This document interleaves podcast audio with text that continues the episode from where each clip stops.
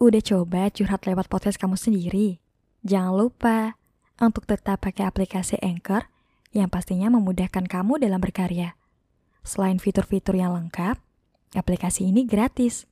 Podcast kamu juga akan langsung didistribusikan ke Google Podcast, Apple Podcast, dan Spotify. Platform nomor satu untuk mendengarkan musik dan podcast. Yuk, ciptakan karyamu sendiri dengan Anchor. Dia aneh. Mungkin karena dia pendatang baru di kota ini. Jadi beberapa hal tentang dia memang cukup berbeda dari yang lain. Dan yang paling mudah untuk dinilai itu adalah logatnya. Ya, walaupun ku tahu, logat kotaku jauh lebih medok. Tapi tetap saja, akan terasa aneh mendengar dia berbicara. Katanya dia asli Kalimantan. Jaraknya bahkan harus menyeberangi pulau. Antara Pulau Kalimantan dan Pulau Jawa. Semua pasti bertanya-tanya, mengapa ya pindah kemari? Kota ini bahkan jauh lebih pelosok dan kampung daripada tempat tinggalnya. Aku sendiri juga tidak mengerti alasannya. Tapi yang jelas, ayahnya asli kota ini. Jadi ya, sedikit masuk akal jika ia sekolah di sini. Oh iya, suaranya cukup bagus. Bukan cukup lagi, sangat bagus. Kuakui itu. Aku mengetahui hal itu karena di masa MOS, panitia menyuruhnya bernyanyi lagu daerahnya. Bahasanya tidak beda jauh dengan bahasa Upin Ipin. Sangat mirip. Dan aku bisa menjelaskan salah satu perbedaan bahasa kami. Kalau Jawa sering berlogat O, sedangkan dia, Kalimantan, dominannya berlogat E. Iya, e. Contohnya, kalau Jawa bahasa apa itu adalah opo, tapi kalau bahasa Kalimantan itu apa? Aneh bukan mendengarnya? Ya, kalau kalian orang Jawa sepertiku. Suara bagus itu juga diakui oleh kakakku karena ia juga disuruh bernyanyi di kelas yang lain. Dan salah satunya kelas kakakku. Ya disuruh seperti itu, pasti jadi kesempatan untuk mendapatkan perhatian. Baru pendatang, sudah terkenal karena suara.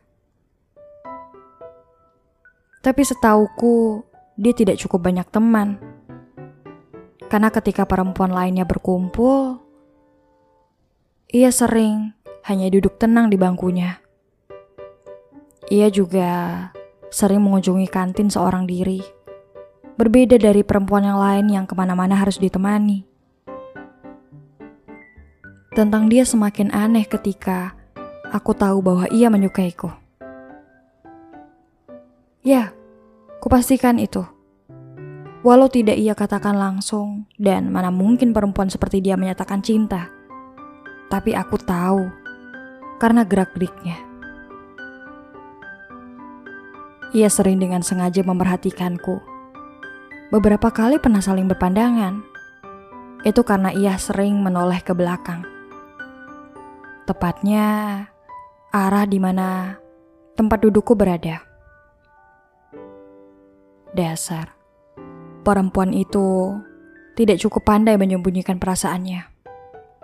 Karena temanku saja sampai tahu bahwa dia memperhatikanku. Didi, kayaknya tak suka deh sama kamu. Lihat tuh, dia sering banget merhatiin kamu. Perempuan aneh. Aku tidak berbuat banyak selain hanya berusaha mengabaikannya. Lagipun, saat ini aku sudah punya pacar. Ya, walau saat ini hubungan kami tidak berjalan dengan baik, Bahkan kami hampir setiap hari melakukan pertengkaran yang padahal hanya tentang hal-hal sepele. Seolah hubungan itu sudah menjurus pada perpisahan. Beberapa waktu lalu, perempuan itu pernah mengirim message melalui Facebook. Entah dari mana ia tahu akun Facebookku, tapi sepertinya memang mudah dicari. Karena nama Facebookku ya sesuai dengan namaku dan profilku juga wajahku sendiri. Hai Di, aku Ta, teman sekelasmu. Dikonfirmasi ya permintaan pertemanannya. Aku tidak membalasnya, tapi ku iakan permintaan itu. Sebatas menghargai, karena ia memang teman sekelasku. Dan beberapa hari kemudian, ia kembali memberiku pesan. Aku boleh minta nomor HP-mu nggak? Untuk apa? Balasku. Ya, agar mudah menghubungimu. HP-ku soalnya bukan Android. Tidak bisa buka Facebook. Ini saja karena sedang di warnet. Siapa yang nanya? Dalam hatiku.